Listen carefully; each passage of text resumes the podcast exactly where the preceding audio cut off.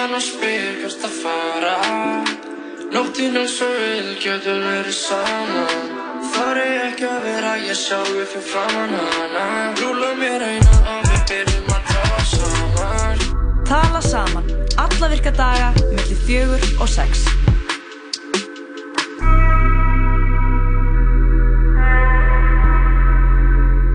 Það er sítið sættur að tala saman sem helsa er hér á þessum uh, þriðu deg.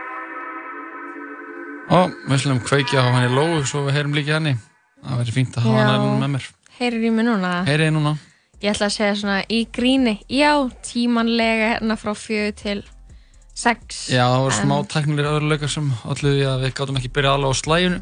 Já, stundum það maður bara að grípa sér muffi eftir sundhöllina. Já, það er, bara, er bara þannig og, og við byrjum bara velveringar á því. Nei, við veitum að, að hlustundur okkar skilja þetta mæta vel. Já, ef einhver skýrur þetta þá er það hlustundur tala saman. Já, við lofum að bæta þessar, þessar sjö mínútur upp Já. sem þú fórst á misvið. Hvernig munum við gera það? Eh, Ég er á eftir að koma spáði í ljós. hvort þú ættum að vera sjö mínútur lengur í dag. Klára Eh. tíum drefið sex, hafa svona extended og vera bara Director's cut. Ég að vera með sko svona bara recap, kannski, bara já, bara aukaefni. Bara Já, svona smá aukaefni. Deleted scenes. Já, deleted Eða scenes. Eða bara tíum dref bloopers. Já, við slum bara, það getur bara Tök- vel verið. Tökum púlsin að því eftir. Við, já, við tjekkum á því. En uh, við erum með flottan þátt í dag. Jú, jú.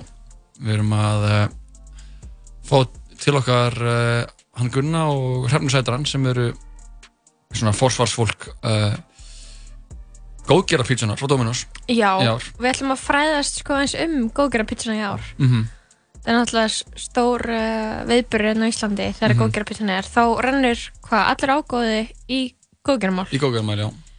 Og núna er það sjóður minningasjóður Lofts Gunnarssonar.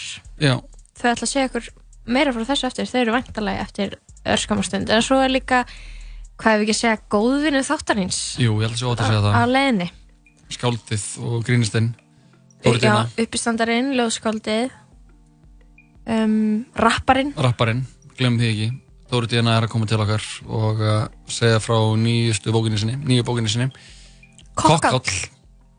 Að hann kom inn um daginn, hann sagði okkur hvað hva kokkáll er. Það er þessi, bók um, um mann Mm og hann er kokkáll. Hann er kokkáll, Og svo ætlar hann líka Dóri að vera hérna í vandamálinu. emitt.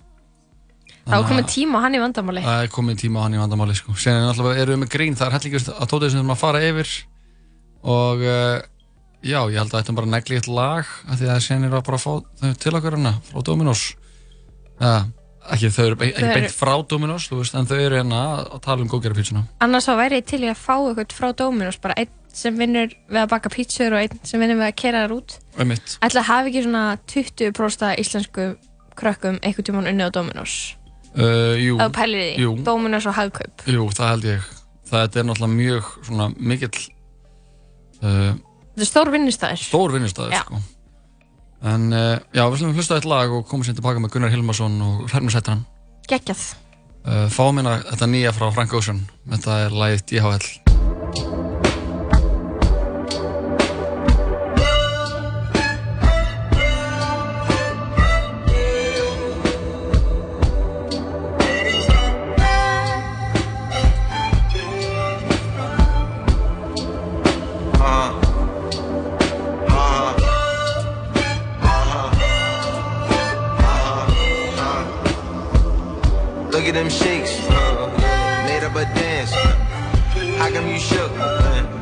took out my hands. Beans, star, bucks, star, struck. It's coming soon. That's cause you suck. Suck me, suck me, suck me, suck me. That's coming soon. Suck my dick.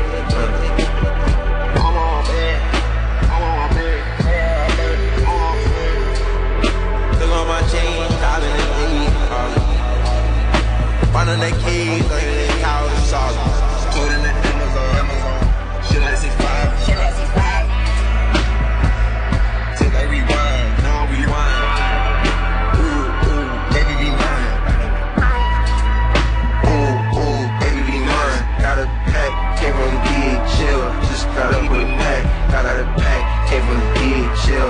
Thought I went to jail, got out of the paint, told me I'm saying, yeah, just got up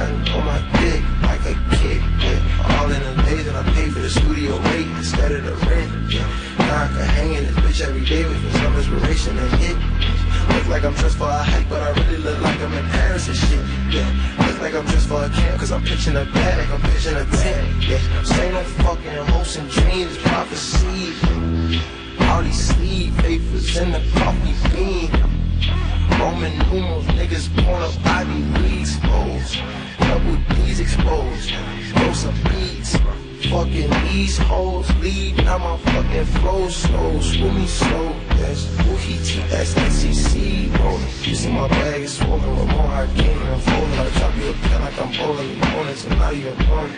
Memphis and dinners is blending, we spend all that time alone, alone, watching the clouds roll. Pack, came from the DHL, just got up with a pack. I got a pack, came from the DHL, just got up with a pack.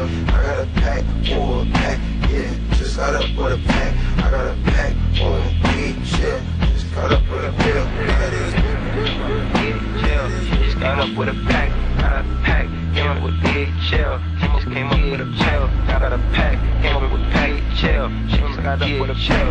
I got a pack, or a DHL, just got up with a chill. Independent jug selling records out the trunk. I'm already rich as fuck, so the products in the front. Got my partner in the front. Been my BF for a month, but we been fucking from the jump, jump, jump, jump, jump, jump, jump. Morgun þátturinn Musli, alla virka daga með Loga Petró og Sigurbjarti í bóði Joe and the Juice. Dominos og Hrefna Sætran kynna. Góðgerðar pizzan 2019 Græn paprika, sveppir, fetaostur Okkar sívinsala pepperoni, stert pepperoni og rauðlöksulta Öll salan rennur óskipt í minningarsjóðu Lofts Gunnarssonar. Aðeins á matseli til 25. oktober Dominos Hamburgerabúla Tómasar, þriðudagstilbóð, þriðudagstilbóð. Hamburgerabúla Tómasar. Nings, nings, nings. Kíktu við. Nings. Útvarp 101 Já, síðan þátturinn tala saman hér í fullu fjöri á þessum fallega þriðdegi klukkan uh, 16 minnur, yfir 16 eins og við segja. Glæsilegt. og við erum komið með góða gæsti til okkar Gunnar Hilmarsson og Hrefnu Sætran verið hjartanlega velkomin Takk. Takk hérlega. Þið eru svona í smá forsvari fyrir uh, góðgerðarpítsu Dominos í ár Já, eða ekki rétt skilið hann Það er rétt. Já. og uh, ha, Dominos er að vinna í annarskiptum með minningarsögur Lofts Gunnarssonar og uh, Hrefna, þú hannaði pítsuna ekki satt? jú, ég er, er hérna, það heppin að fá alltaf hana pítsuna Já. og hérna bara svo veljum við saman málefni, ég fæ líka að taka þátt í því Ó, að velja nice. málefni þannig að það var held ég þriðja ári sem var fyrir loft, hérna minningasjöðin Mhm. og svo aftur núna Mhm. Og það var bara því að það er bara mjög mikil þörfið mitt á að, að tala um þessi mál. Já, algjörlega, já, Mhm. fengum hérna þegar við heldum tónleika um daginn. Já, Já, fyrir það sem ekki vita, hvað stendur þessi minningasjóður fyrir? Hann stendur í rauninni fyrir sko baráttu fyrir réttindum heimilislausra og bara svona almenn, almennu samtali um að þú veist breyta viðhorfum og fordómum og, og hérna reyna að hafa áhrif líka á bara líf þeirra og, og hvernig þeirra málefni eru höndluð sko. Forsagan er sem sagt svo að Loftur var sem sagt máu minn og ég kynst honum bara þegar hann var þú veist ungur bara já kringum 12 ára gamall og síðan horfði maður á hann bara einhvern veginn spíralast sko, inn, í, inn í þetta líf þú veist, ekkert rosa hratt en bara svona tiltölulega gradjúali sko. Já. og síðan svona síðustu metrónum þegar maður farin að í rauninni sofa svona ímist á göttinu eða inn í gistskilinu og á svona stöðum og þá einhvern veginn sá maður hversu ömulegt líf þessa fólks er Mhm. og líka einhvern veginn sko hvernig þeirra eh, réttindi voru ekki virt og bara svona almenni fordómar sko. Mhm. Einmitt. þú veist á þessum tíma þá var, var gistiskílið í alveg hræðilegu húsnaðinir í bæ sem að þú myndir valla bjóða dýrum upp á sko Nei, og frá því að hann deyr 2012 og þá höfum við reynd, já ekki bara reynd við höfum bara gert, við höfum haldið mikilli, miklu samtali og gaggrinni og svona pressu á öllum að hérna að gera eitthvað í þessu og þó að væri ekki nema bara virða lögbundin mannitindi þessa fólks. Já, og hvernig var, það náttúrulega er svona einhver áhersla eða ekki í ár? Jú, hann náttúrulega Dominos sko, eins og, og hrefna verið að tala um þetta er annað skipti sem að, sem að hérna, Dominos starfar, starfar með okkur Mhm. og síðast var held ég held að það var 2015 14 eða 15 Já.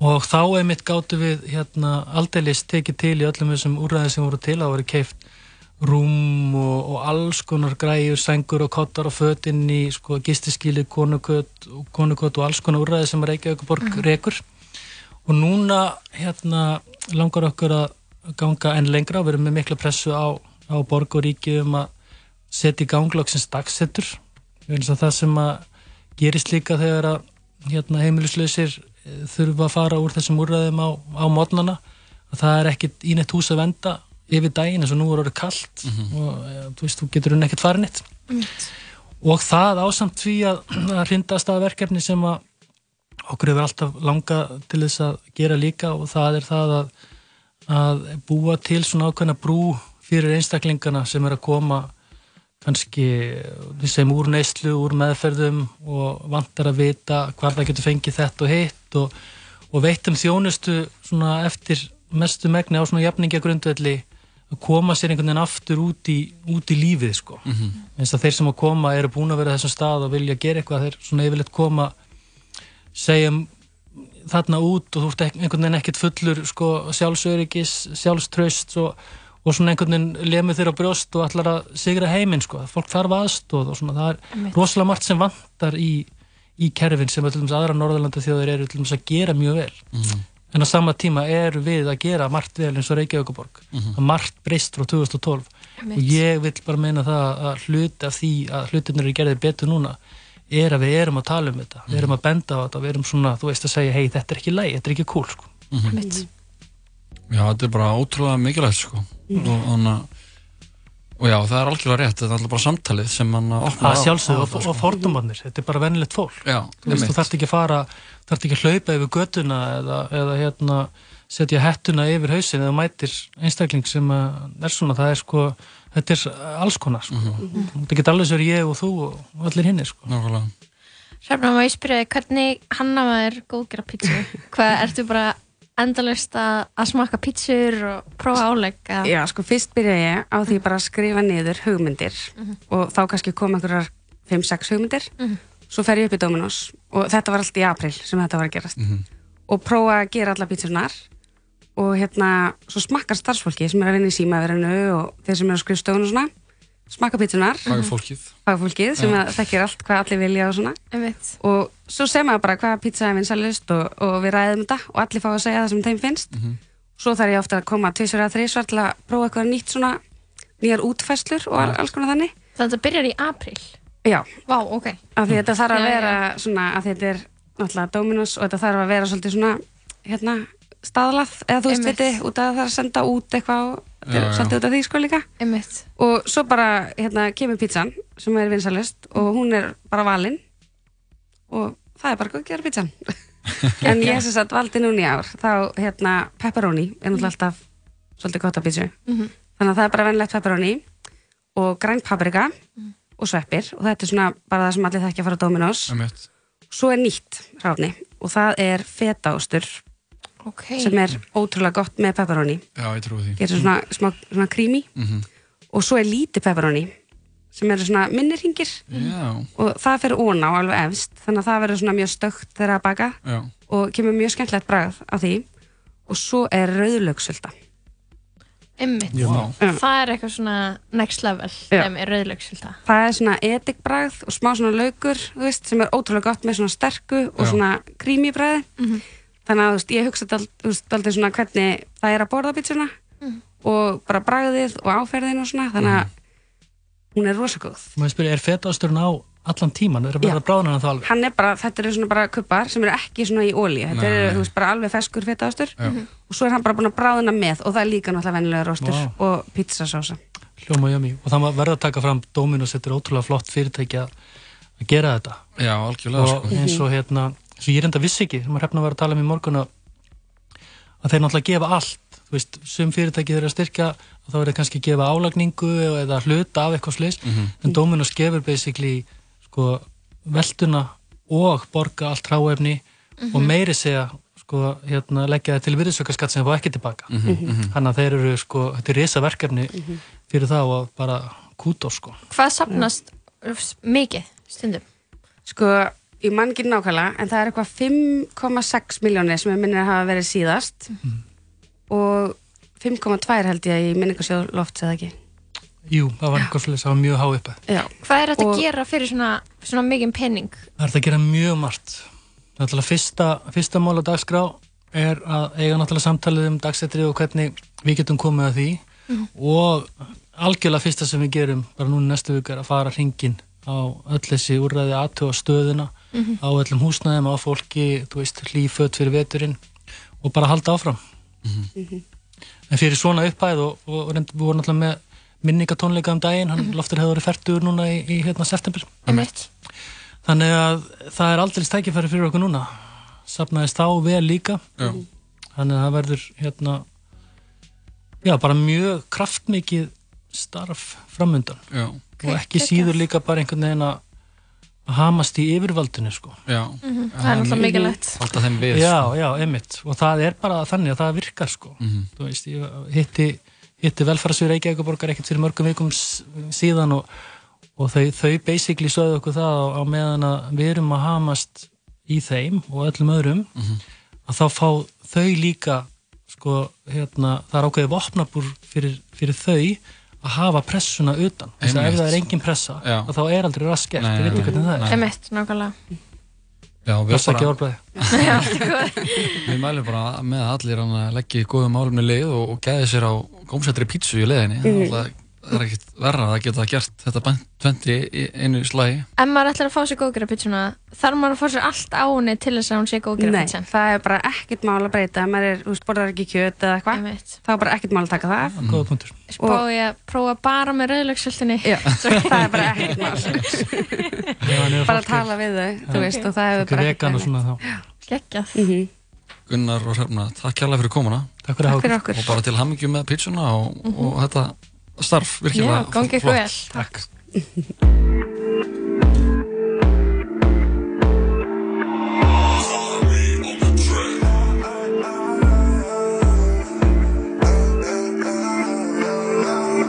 Ég stækkaði upp og ég setja í vatn sem ég keir á stað Meira en fyrir mig, þetta er múlalala Langar að vera svo jazzból og sigla sem bát til að komast á haf Í kringum þetta haf, í kringum þetta haf Ég stækkaði upp og ég setja í vatn sem ég keir á stað. Meira en fyrir mig, þetta er múlalala Langar að vera svo jazzból og sigla sem bát til að komast á haf.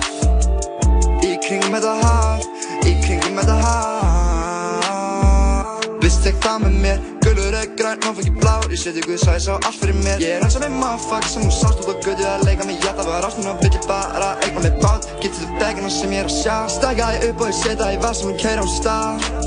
Meira en fyrir mér, þetta er múlalala Langar að vera svo jazzból og sigla sem bát til að komast á haf. Í kringum þetta haf, í kringum þetta haf. Stækjaði upp og ég setja í vað sem hún keir á stað. Meira en fyrir mér, þetta er múlalala Langar að og sigla sem bát til að komast á haf. Í kringum þetta haf, í kringum þetta haf. Ég gerði það alltaf, motherfuckers voru ekki að fatta, þurfti bara að fara að sína þeim annað Vildi alltaf bara komast í bransan Við opinn er í svo ég hlustum en vel. Geti sagt þér allt sem að ég séð Oh man, goddamn, okkur gengur öllum svo ég vel. Stækka ég upp og ég setja í vassum og keira á stað. Meira er fyrir mig, þetta er múla la la Langar að vera svo jazzból og sigla sem bát til að komast á haf Í kringum þetta haf, í kringum þetta haf Stækka ég upp og ég setja í vassum og keira á stað. Meira er fyrir mig, þetta er múla la la Langar að vera svo jazzból og sigla sem bát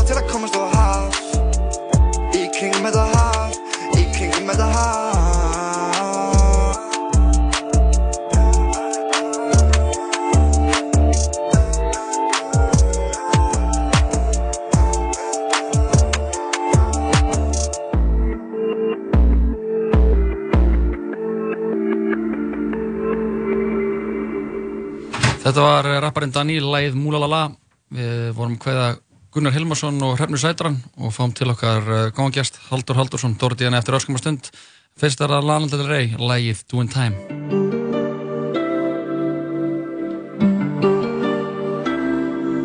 Summertime microphone with Ross MG. All the people in the dance will agree that we're well qualified to represent the LBC. Me, me and Louis, we gonna run to the party and dance to the rhythm. It gets harder. Me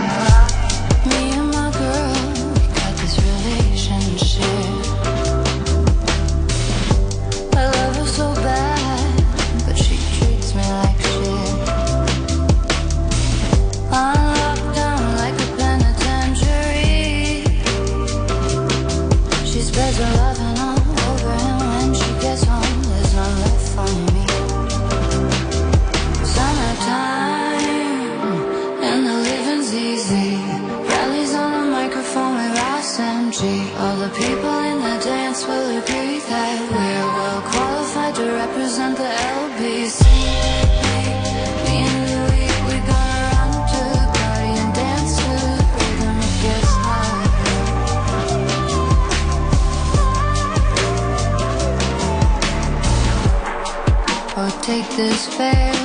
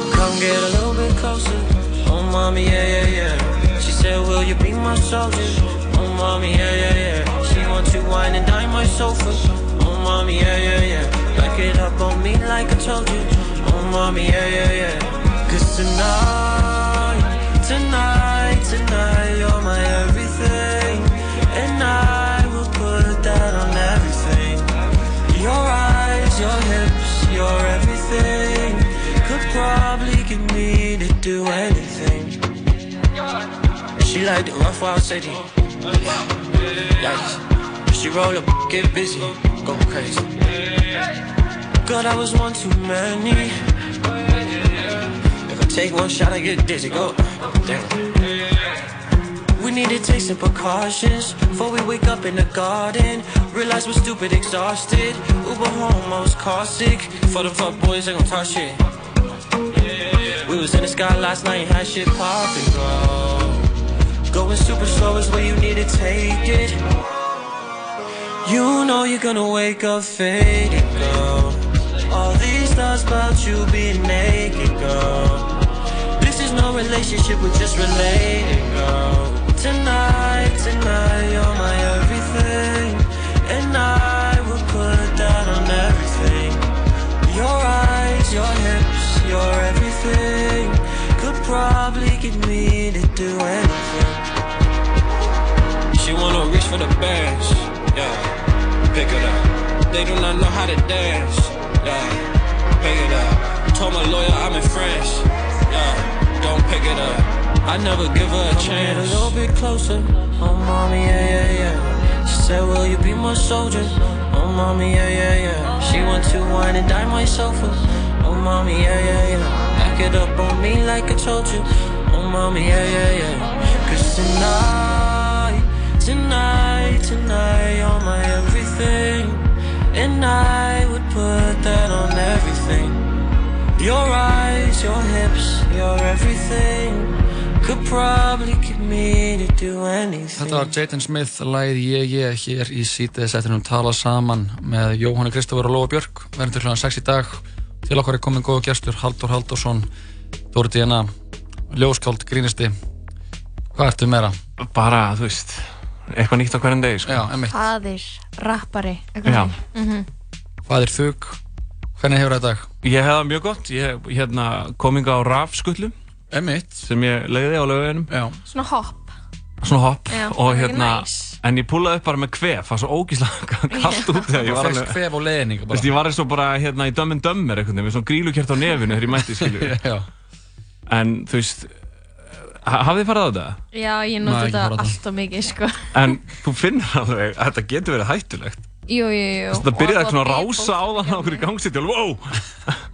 Já, þetta er líka, skilur, að geta erfitt að bremsa. Og allt í hennu bara bremsa gett snögglega, veistu hvað ég er að tala um? Já, þá fer flýgum maður einhvern veginn, Já. að þetta ekki býðist eitthvað gerist. Svo veit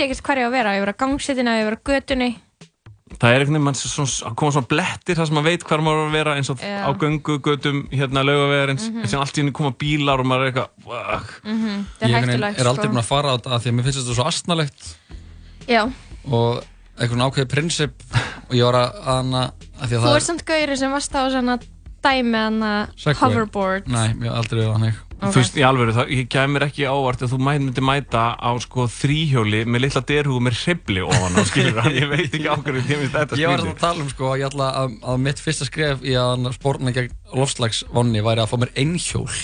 Og vera alltaf á einhjóli, að mæta á, á því í vinnuna. Og það fekk ekki miklar undir þetta reyna í, í hljóðverinu sko Þú myndir aldrei geta lært á innhjól með kannski rétt. Það var alltaf eitt gaur í MH sem var gett, gett góður á einhjól.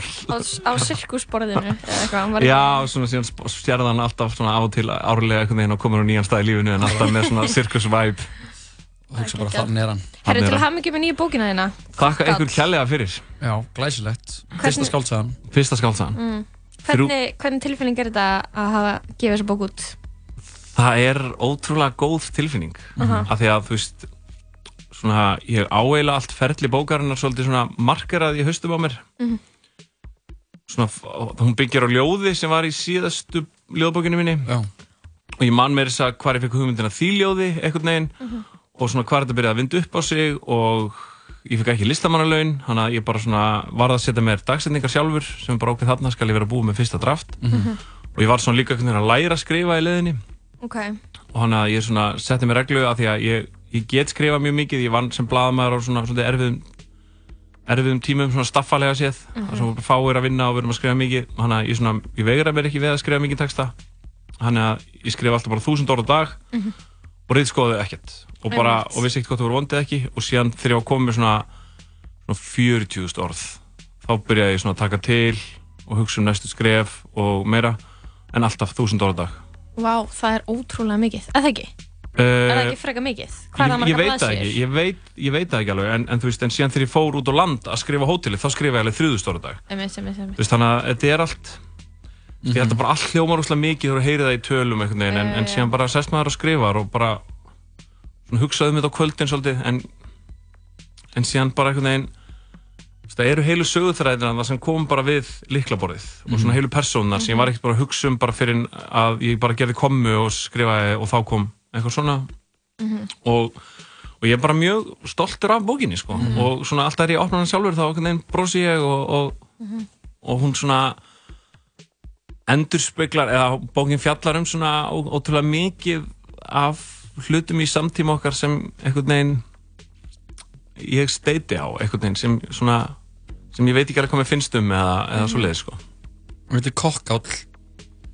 Kokkáll er náttúrulega Segðu okkur hvað kokkáll er. Já, sko, sko, hún byggir á ljóði sem heitir Nýra elskuði konuna minnar Já. sem er maður að, tala um nýjan elskuði konuna sinnar og hvað hann sé indislegu maður og sé hann inn á heimilinu og sé þeldökkur og svona. Mhm. og það kemur alltaf því að ég fikk sendt hérna svona eitthvað heit tjekka þetta. Og þá var það svona eitthvað subreddit á reddit um þetta kokkála fetish Mhm. og það var eitthvað svona gaur eitthvað, herri, ég sá alveg geðvikt massaðan og flottan svartan náunga í Kmart í dag og djöðlar ég sjúklega heitti að hann væri með konunni minni. Og það var bara svona aðri gaur að kommenta wow, hljómar hefi heitt. Og mér, mér fannst svo góð stemning í þessu að ég bara svona hætti ekki að hugsa um þetta. Og, og síðan fannst mér þetta líka og það er kannski það sem svona kallaði á það að mér langaði alltaf að skrifa stærri sögu. Mér finnst þetta einhvern veginn mjög viðiðandi við tímana sem við lifum á því ég er svona eiginlega bara svolítið tebra sjálfur sko. Mhm. en mér finnst við lifum á svona rosa miklum svona líkamlegum tímum og svona rosa kynorku þrungnum tímum einhvern veginn. Og, og líkaminn er til sölu og það eru allir einhvern veginn opnir með sitt. Og mér fannst þetta bara svona kannski svona áhugavart mál að, veit ekki, byggja sög á en síðan náttúrulega komu bara svona inn þú veist, þessi bók fjallar ekkert bara um það hún fjallar um þessar aðstæður en hún fjallar kannski um, um mannin fyrst og fremst og hún fjallar um kannski fólk sem er ekki alveg með á hreinu uh, svona hvað það er Mhm. eða hverjir það eru Nei. og hérna og eru sífælt að máta sig kannski við ný hlutverk að taka upp ný hlutverk sem þeim finnst ekkit mál og hérna og þetta auðvitað svona gerist líka smá inn á auðlýsingastofu sem byggir á reynslu minni í þeim geira. Og svo náttúrulega kveikir það rosalega í mér að að þú veist ég er alveg hluti af kannski þessari fyrstu eða mjög snemma reyfingu af ungum kallmönum á Íslandi sem bara svona ídólisera svarta menningu. Mhm. og þú veist, og við fengum hana svolítið svona á einhverju fati, bara þetta er rapptónlist þetta eru myndir sem gerast í fátækrakverfinu þetta er fatatíska sem svolítið heilengaðir fötum farið þarna. Og, og þegar þú kannski vex úr grasi og getur hort á þetta einhvern veginn svona skinsamlega eða, eða allan að reynda að setja þetta í samhengi þá er, þá, þá einmitt svona steitir þetta á svo mörgu. Þú ert einhvern veginn, hvað hva voru við að gera þarna, var þetta rámt sem við gerðum eða eitthvað, þannig að svona ég Erstu að hugsa um það eins og í samhengi bara við, þú veist, nýjan orðaforða um bara menningarna já, og algjörlega, þannig, já, já, algjörlega. Og hérna, og bara samskipti kynþátta og Mhm. hérna og og bara svona einhvern veginn að vera íslenskur í, í, í víðum buksum og svona smá vilja óska þess að þau fæðist einhvern veginn í fátækverði Los Angeles skilur sem það var staðan þegar þú varst 13 ára Einmitt. þannig að þetta er svona líkum það og síðan er þetta bara um fólk sem líður illa og einhvern veginn er að reyna að fylla upp í lífsitt með öllu sem til er nema kannski réttu meðlun Einmitt.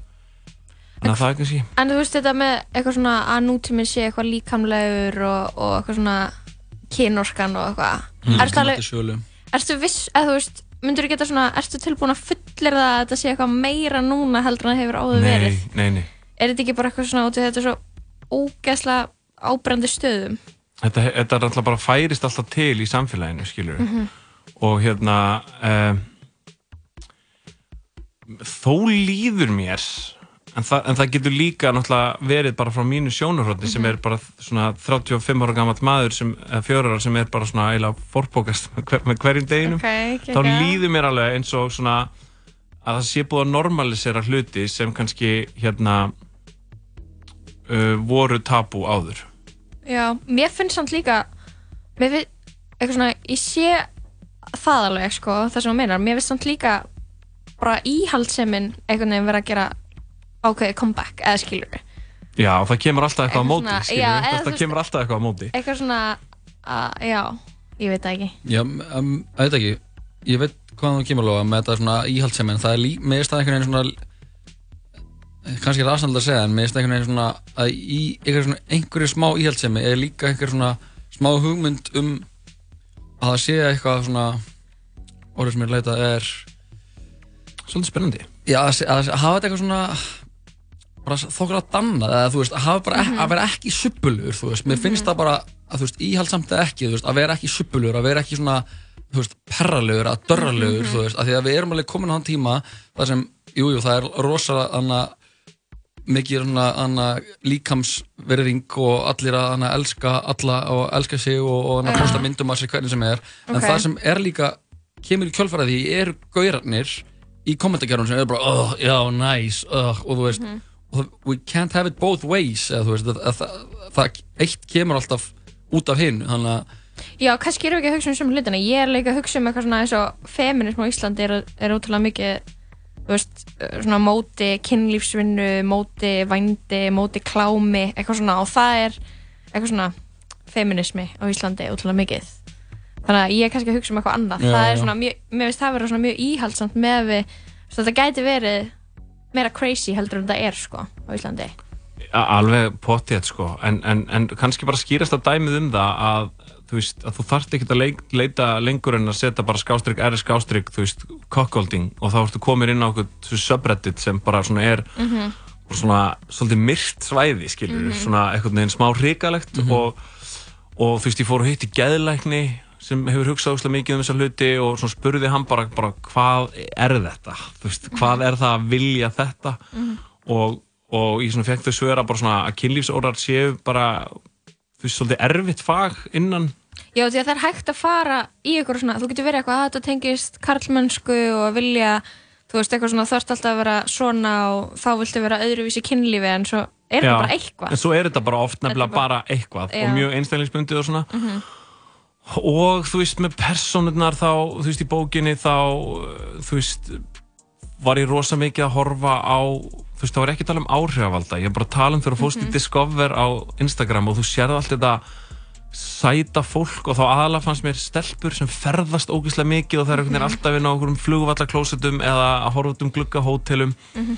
og síðan á svona nýjöndu hverju mynd þá komin einhver ógeðslega svona draugalegur kærasti við hliðina á þeim, einhvern veginn sem er bara sætur og svona alla myndunum að dæma verið svona nokkuð hólur og svona, og ég fór úrslega mikið að pæla í sögu þeirra manns einhvern veginn Ok. og, og síðan er þetta líka um samskipt þessar manns við korunar í lífi sínu sem eru Hrafnhildur, það er kærast hann hildur Örn uh, það er mammans sem svona mm, hann á í svona mjög undarlegu sambandi við og það er besta vinkonans sem heitir Andrea og er með þroskahömlun og svona, svona hann svona tilbyður svolítið og, Mhm. og, og þetta tengist allt svona harmi úr æskans og og svona, mér vonandi tókst mér að þú veist, að fletta saman eitthvað flettu bröð þannig, skilur við, Mhm. svona sem tekur á ymsu en er líka bara skemmtilegt aflæstrar, skilur við gerist hann alveg í nútímanum bara núna já, já, já, hún gerist bara alveg 2019. já, já, Right hún now. gerist bara alveg núna, sko right now sko. Herru, ég ætla að negla í eitt lag og uh, sen ætlum við að fá það í eitt lið Alright Hjálpa okkur að leysa vandamál hlustanda þáttarins. Nú, ok. Eða bara mín Já, eða vandamálun á lóu Þau eru mörg vandamál. Þau eru mörg Mörg og og stór. missi. Mörg og stór. En uh, þetta eru, er bara um Pop Smoke Lagið Welcome to the Party á samt honum skepta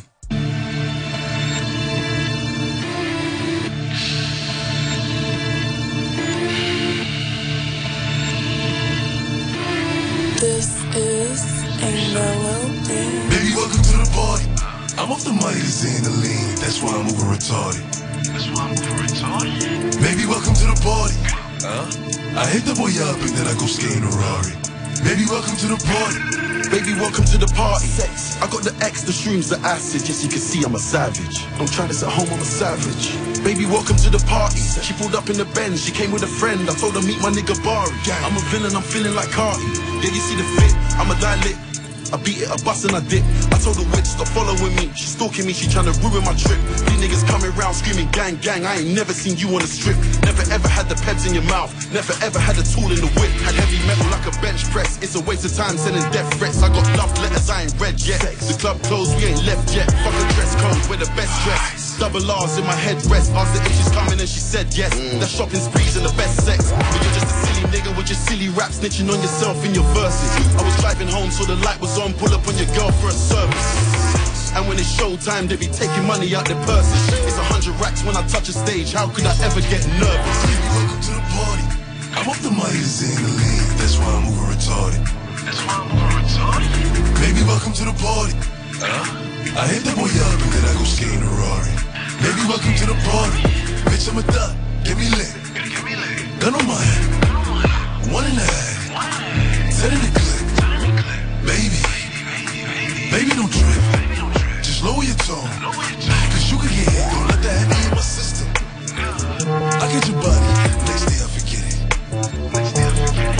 Nigga try just caught a body. And listen again. Nigga, I was just with him. Look. My villain niggas, all my villain niggas, all my killing niggas as a kid. Since a younger nigga, I've been drilling niggas. Mom saw I stuck it in my ways. Ever gave me shit with this big chip. I had to get paid. And it's 10K to go on stage. And you know the trees getting laid. Baby, welcome to the party. I'm off the Myers and the lean. That's why I'm over retarded. That's why I'm over retarded. Baby, welcome to the party. I hit the boy up and then I go skating a Rari. Baby, welcome to the party. Bitch, I'm a thot. Get me lit. Gun on my head. One and a half. Ten in the clip. Baby. Baby, don't trip. Just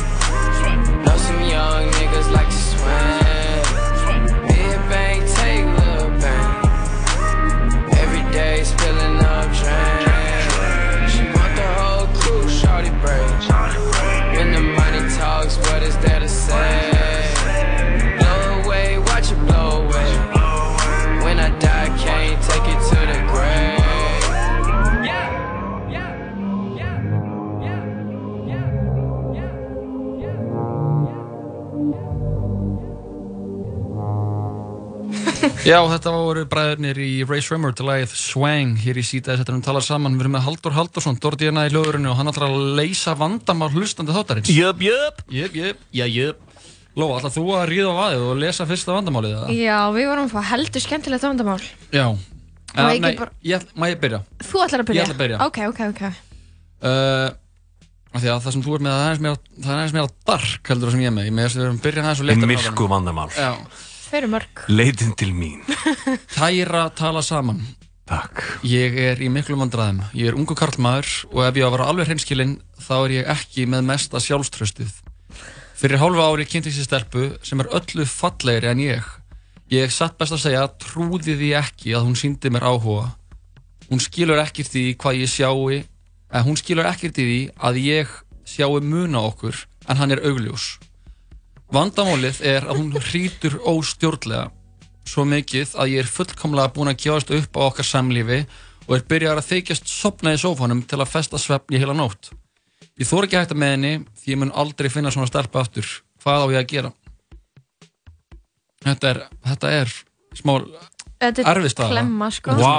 Þetta er pickle eins og maður myndi segja. Þetta er, ég geti jafnvel sagt að þetta sé a wicked problem Já. Óleysanlegt Já. eins og Ok. umferðin í Toronto Já. Ok. Sko, hérna Ég uh, Pengi Já Nei, ekki, þú veist, kona mín bara gefur frá sér svona ákvæmlega blí, blíðar blíðadrætti þegar hún hérna sefur Já. En ég á til dæmis mjög góðan vin sem ég hef þetta ferðast mikið með Mhm. svona sögum svona sameinlegs bralls og hann hrýtur eins og þú veist, bara svona dýr að deyja einhvern veginn. Já. En ég, og ég er alveg svona komin á þann aldur og þegar ég vakna nætna þá er ég ekki eitthvað, hei, þetta er rjóta. Ég er bara, hei, er í lægi með þig maður? Svo já. heilnaði fáur ekki súrefni, þú ert svona sko. Já, já.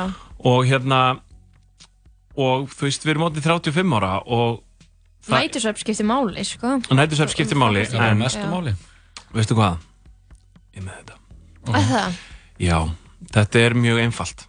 Þetta er bara sopnaði á undan henni Já, en það, Já. ég held að hann sé ábyggilega að vakna á nóttunni. Já. Ég held að mér finnst Er það það hljóma ekki? eins og hún stí- hrítur óstjórnlega að hann sé ábyggilega að rökkva við Mhm. nýsopnaður og bara Þau, get, þau getur sérst ekki sofið saman í rúmi. Er mikilvægt að kærustu bara sofi í saman rúmi, eða? Mm. Ég bara spyr. En Þú náttúrulega, þegar fólk eru þau gamalt þá hættir það að gera það mér finnst gott að láta halda utan um mig Mhm. og mér finnst gott að halda utan um aðra Já. Maður getur ekki sofið heila nótt í spúni. Er það nokkuð? nei, maður getur sopnað henni og svo Já, nóttina já. og velti maður sér frá og, Mhm. og svo kannski lóa þá finnum maður hjörtum slá í takt Mhm. í eitt augnablik og það er kannski bara nóg fyrir okkur uh, sko, nei þetta er Ég held að þau eru bara að taka samtalið sko. Ég held að þau eru að segja henni frá þessu og en hvað ætlar hún að gera? sker hún sér, nefið Nei, þetta er bara, það er til einföld tæknileg lausn á þessu Já, nei, það er til svona klemma sem hún lætur á nefið Já. sem kemur í vekk fyrir það Herru, að þú er kannski tæknin að leysa þetta fyrir okkur? Ég held það Er ekki komið eitthvað app sem er hérna svefnmonitor Mm. Jú sem Jú, fólk er að nota mikið núna jú, jú. og hann getur verið eitthvað svona herriði, hérna, ég er eitthvað búin að vera svo óreglulegt að vakna á nætturna Mhm. ef við ekki bara prófa þetta app hérna í nótt og tjekka eins á því Já. Og svo spilar hann upptökuna fyrir hana Já, og, Og bara hún segir- öskrandi, hrínandi eins og stungin grís Já, en þá hún ánáttúrulega hættu hún segir bara, herriði, hérna Þetta er þú. þetta er þú, eða Já. bara, herriði hérna, ég sé gegnum þetta plottitt allt saman og verður sæl Og ég er farinn En ég myndi mæla með því að hann nefni þetta aldrei við hana og byrgið þetta inni Já. Mm. og reyni að reyfa sig sent á daginn eða jafnvel á kvöldin Ok. og borða mikið sigur Mhm. og fari í bara svona sigurfalls kóma Þegar hann sopnar. og þreytu kóma þegar hann sopnar Já, já, og vera alveg átt sko. Já. Eða bara einföld kolvetni, gerir þau ekki eitthvað svipað? Það er að vera sykur. sigur? Eða það sigur? einföld kólvetni eru sigur Ó, ég held að vera bara eins og brauð. en hveiti er sigur eða þú sást þannig dönsku myndir Ok. Hann getur líka náttúrulega að taka svepptöflur. Gríðalegt magna svepptöflum. ég tek melatonin, mælum með því. Ég er bara að tala um sveppleif bara sem Já, er bara, svefnlyf. Já, bara það sem þú er bara out cold sko. Já, það samt til lengri tíma getur alveg komið í baki að þér Já, Þú áneittist því sko Já, ég held að hann sé al algjörlega tilbúin að Eða hann mun hættir að sofa og bara gerist næturgengill Já, næturgengill Hann, Þú getur snúið sólarhengnu við upp að einhverju marki Já. og bara unnið á næturna Já, vinna sem náttvörður En það er náttúrulega, þú veist, það er það að hann sé svona óörugur eða hann, vandamálið. eða hann blackmailar hana bara, heyrðu, þetta er hérna upptaka þér að hrjóta Mhm. og ef þú ætlar að gera eitthvað í þessu, þá bara leki þessu á netið Já. og hann að redda þessu Ok, óhelbreygt. Ok, við erum búin að presentera margar lausnir Margar lausnir. En já, mér finnst líka skrítið að vera með ykkur um að vera eitthvað, ég get ekki hætt út þegar ég mun aldrei finna neitt sem er svona æðislegur, skilur. Mér finnst það vera skrítin hugsun. Já, vandamálið náttúrulega klárlega í þessu er eh, Litla sjálfstraustið. Já, eða Já. sko, já, þetta valda ójabæði sem virðist vera algjörlega heima tilbúið hjá honum Já. og En Hvað segir við mann með lítið sjálfströst? Eitthvað, fara að æfa karate eða fara í Dale Carnegie eða eitthvað, þú veist Já, bara bæði Þú verður bara og fara á í einhverja íhugun og Já, eða svona Byrja að taka svefnlyf. Tjekka hvort það sem er low T eða eitthvað, skilur Já, kannski hann fari bara mækara og svo að testa. Kannski, þú hver Ha? veit. Það eru miljón lausnir á þessu máli. Já, það er mjög margt í bóði Þannig að við vonum, kæri hlustandi að þú uh, getur tekið eitthvað með þér úr þessu spjalli. Já, gangi ég vel. Gangi vel, en Lóa, þú ætlar að fara yfir í næsta vandamálið. Sem Jú. er myrkur, mikið. Já, Mhm. það er, við, við hann vörum hlustendur við að þetta er svona Á grensunni Þetta er ekki Ok. gaman mál allan. Ok, kæri tala saman. Ég er fullarinn einstaklingur á fallega fjölskyldu og vinn í draumastarfinu mínu. Á hverju ári fer ég í löng og skemmtileg ferðalög bæði með vinum og fjölskyldum. Fjölskyldu, ábyggilega Stendur fjölskyldum, þannig að skilnaða bann. Ég, ég hef séð heiminn og bragða mat frá öllum heimshornum. Ég reyði mig reglulega, stunda jóka og legg mig fram við að rækta líkama og sál. Ég er bara svo sorgmætt. Innan í mér er bolti af sorg sem ég skil ekki hvaðan kemur. Hvað get ég gert? Svo geðvægt maður Svo gott að líða illa sko og hérna sko, þetta er klárlega sko ég bætti á mig Mhm. 6 kílóm við að skrifa þessa bók Ok, wow. á einu ári Já.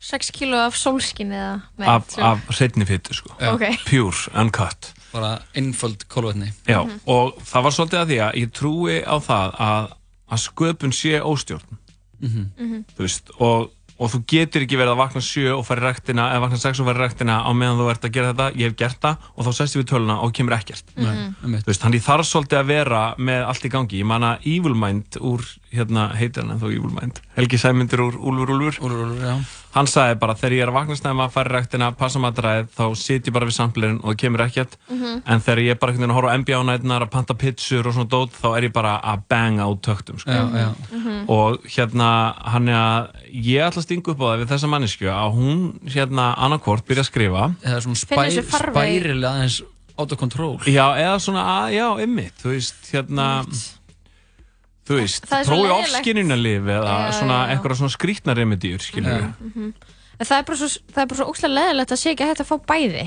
Að sé ekki hægt að hugsa vel um sig og, anna, og vera skapandi. En sumi gera það, sumi, sumi texta bara em- mjög vel, sko. Er það? Já, ég held það. Svo sumi finnst óslega gott að vita að þeir eru in control og svona, Mhm. finnst eitthvað svona degðu til því að neyta sér um hluti og, og þannig. Ok. Þú veist, ég, ég þarf að gera það bara á okkur svona þegar ég er með lítið kreatíft í gangi. Já, já, já. Nei, ég get ekki hugsað mér að, að veist, mér, bara ef að það er rútína þá hættum maður bara að vera skemmtilegur, held ég. Þið voru náttúrulega bæða að bóla muffins er eitthvað inn, sko. Já, nákvæmlega. Það er hluti af rútinu minni Muffin klón Muffin. 5. Muffin klón fimm. 5 muffinið. Já. En veistu hvað, þú veist, en að vera með sorg innan í sér en hafa en eiga fallega fjölskyldu og hafa ferðast um allan heim, séð allt og borðað mat frá öllum heimsins hornum Mhm. Það er þú veist, það þarf bara að finna þessari sorg farveg, af því að sorg er líka kraftur, Mhm. skilur sorgin er á Mhm. Mhm. þú veist, og, og, og hún er miss ströymhörð og allt þetta en þú veist, þú veist ég hef oft alveg sorg inn í mér bara svona Já. hlem af bara myrkri Erstu með eitthvað svona heimsrið uh, nei, ég hugsa ekkert um er, heim það sko. bara, er það bara ég, skilur við? Nei, ekki einu sinni, það er bara eitthvað svona, þú veist, ég líti á mig þetta sem svona eitthvað neginn, sé svona samband mitt við, þú veist, alheimin, eitthvað neginn, Mhm, skilur mhm. þú veist, og, en þá finnst mér bara gott að skrifa Mhm. og eitthvað neginn, og eiginlega fá útrás og fullnæðingu í að fróa einhverjum svona hræðilegum aðstæðum sem ég set upp á blað, sem ég finnst vera viðegandi við þessa tilfinningu sem er innra með mér. Mhm. og svona, og það losar það oft og bara, og, og breytir því í eitthvað annað, Mhm. breytir því í eitthvað haldbært Einmitt. Þannig að þessi einstaklingur þarf kannski bara að finna sér eitthvað svona eitthvað átlett Jú, skrifa bók. Skrifa bók. Eða setja á sér lambúsett á kvöldin og fara og berja einhvern í hausin Já, það er Eitthvað svona. eitthvað svona það sem að, að, að hleypa, hleypa þessu út á einhvern hátt. Fá sér tattoo kannski, það eh, vendlar út sko. Já. En pælu aldrei í því, skilur hvað einhvern veginn listamenn geta gert þetta, geta bara farið og bara svona tekið allar tilfinningar sínar og bara dund, þú veist, gert eitthvað við þær. Og vennulegt fólk sem situr bara og svara tölvupóstum hvað á það að gera, skilur við við þessar í tilfinningar? Uh, bara fara í mjölni til dæmis er það svo gott. Já, margir að því ég veit það ekki maður ég hérna eða, maður, eða er þetta fólk bara ekki með þessar tilfinningar og Náttúrulega listamenn mikla allar tilfinningar skilur og, Já. og, og runga þeim. Það er þeirra að- hlutverk. það er þeirra hlutverk hann að, hann að þeir mega kannski þú veist, og eiga Mhm. kannski að að nýta þeir svona en, en kannski er þessi manneskja þessi tiltekna manneskja bara að lýsa því að hún að, að þessi sorg sé kannski lítill listamæður innan í hljóma henni þannig sko Litli listamæðurinn Mhm. litli listamæðurinn Já, ég held að við sem höfum leist bæði þessi vandamál. Ágætlega. Jú, jú. Við getum sendið frá okkur núna og bara andar rólega. Já, allan að við, höfum- við erum að velta hana steinum. Svo Og- sannarlega. og uh, þá er það bara undir þessum einstaklingum komið hva, hvert næsta skrifið er. En uh, Dóri það var gott að fá því þáttinn. Takk, mér langar til að segja eitt. Já, Ég er með útgáfupartí á morgun. Einmitt. Millir 5 og 7 Já. Í Kling og Bang í Marcelhúsinu Mhm. Og bókin verður á tilbúði Og ég ætla að lesa Og það er náttúruvín í bóði Ok. Það er náttúrunni bóði og þú er alltaf allir í því. Allur, allur. Mhm. Hvað er það við náttúruvín? Nákvæmlega. En uh, já, Dóri, takk hérlega fyrir koma Takk hérlega. Og uh, við höldum hérna áfram í sítiðsettunum tala saman. Já, við ætlum að vera með svona klukkutíma af Af Guð, okkur að bulla Guð einn veit hvað gerist hérna næsta klukkutíma Já, ég er svo til í að hann að að bara aðeins að tapa okkur smá í myrkrinu Það ekki? uh, Jú, bara klálega Fá mér eitt gott frá uh, Philadelphia rapparunum Meek Mill Þetta er lag sem heitir Dreams and Nightmares Ain't this what they've been waiting for? You ready? Uh, uh. I used to pray for times like this, to rhyme like this, so I had to grind like that, to shine like this. In a matter of time I spent on some locked up shit in the back of the paddy wagon, cuffs locked on wrist. See my dreams unfold, nightmares come true. It was time to marry the game, and I said, Yeah, I do. If you want it, you gotta see it with a clear eye view. Got shorty, she try and bless me like I said I do. Like a nigga sneeze, nigga please for them tricky squeeze, I'm getting cream. Never let them hoes get in between of what we started. Little nigga, but I'm lying hearted. They love me when I was stuck and they hated when I departed. I go and get it regardless. Draw like I'm an artist, no crawling. Went straight to walking with foreigns in my garages. All foreign bitches menaging. Fucking sucking and swallowing anything for a dollar. They tell me get 'em, I got 'em. I did it without an album. I did shit with Mariah. Little nigga, I'm on fire. Icy as a hockey ring, Philly nigga, I'm flyer. When I bought the Rolls Royce, they thought it was lease. Then I bought that new Ferrari, hey, to rest in peace. Hater, rest in peace, rest in peace to the parking lot. Phantom so big, can't even fit in the parking spot. You ain't talking about my niggas, then what you talking about? Gangsters moving silence, nigga, and I don't talk a lot. I don't say a word. I don't say a word was on my grind and now I got what I deserve. Fuck nigga. Hold up, wait a minute. Y'all thought I was finished. When I bought the ass tomorrow, y'all thought it was rented. Flexing on these niggas, I'm like Papa on the spinach. Double M, yeah, that's my team. Rose, the captain, I'm lieutenant. Broke. That Lambo, my new bitch, she'll ride like my ghost. I'm riding around my city with my hands strapped on my toes. Cause these niggas want me dead, and I gotta make it back home. Cause my mama need that bill money, my son needs some milk. These niggas try to take my life, they fuck around, get killed. You fuck around, you fuck around, you fuck around, get smoked. Cause these Philly niggas I pull with me don't fuck around, no joke.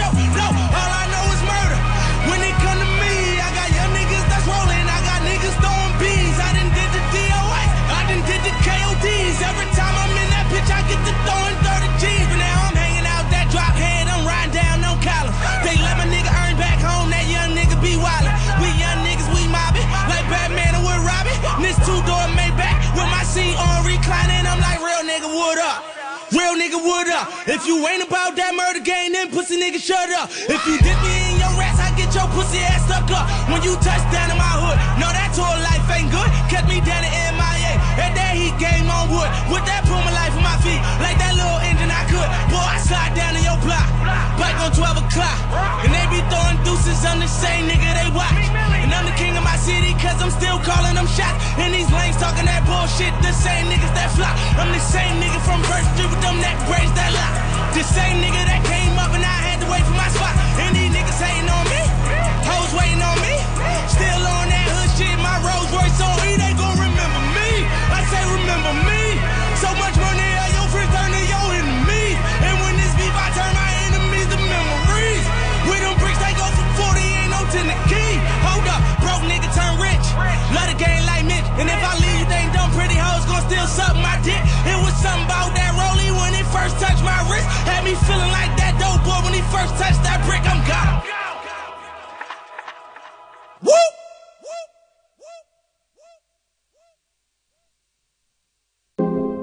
Know your city, what you used to.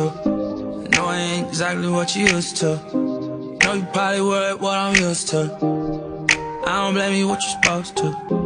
Last time we fought, it was on that. Now you got me thinking about your own night. Me and you seem like it'd be alright. Long as we can me on it. Full, yeah, I'm on. Hold up, she ready. Leave here, you on. Tell me what I had it. Truly, a little oh. You know I'm faded. Heart shape, and I love that. Come here, I'm down with it. I can't, I can't keep my eyes off your face. Let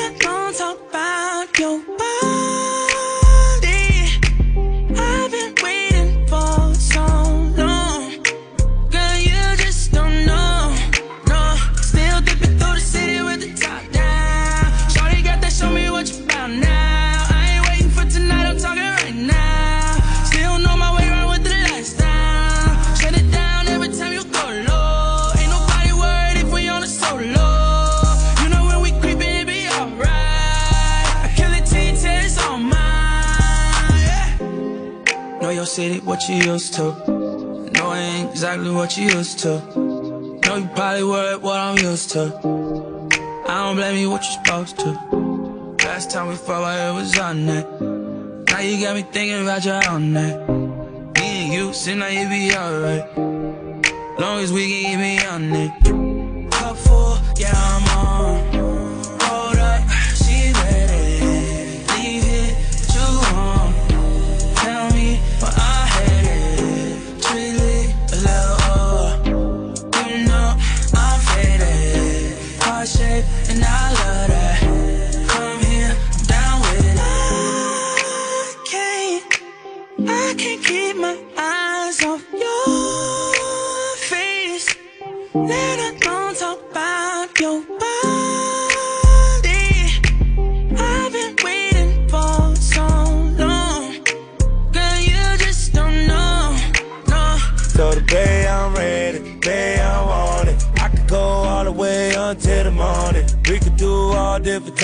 positions. I'ma hate sucking on my fingers while I hit it. Front or back, you like it like that.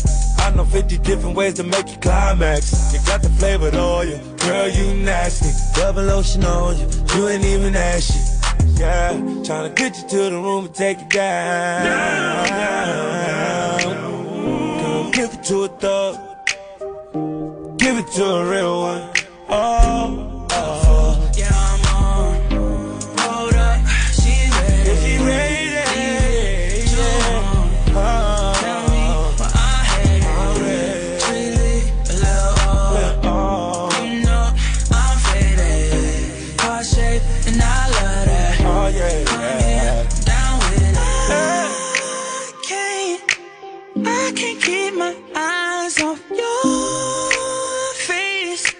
Let alone talk about your body. I've been waiting for so long. Girl, you just don't know, no.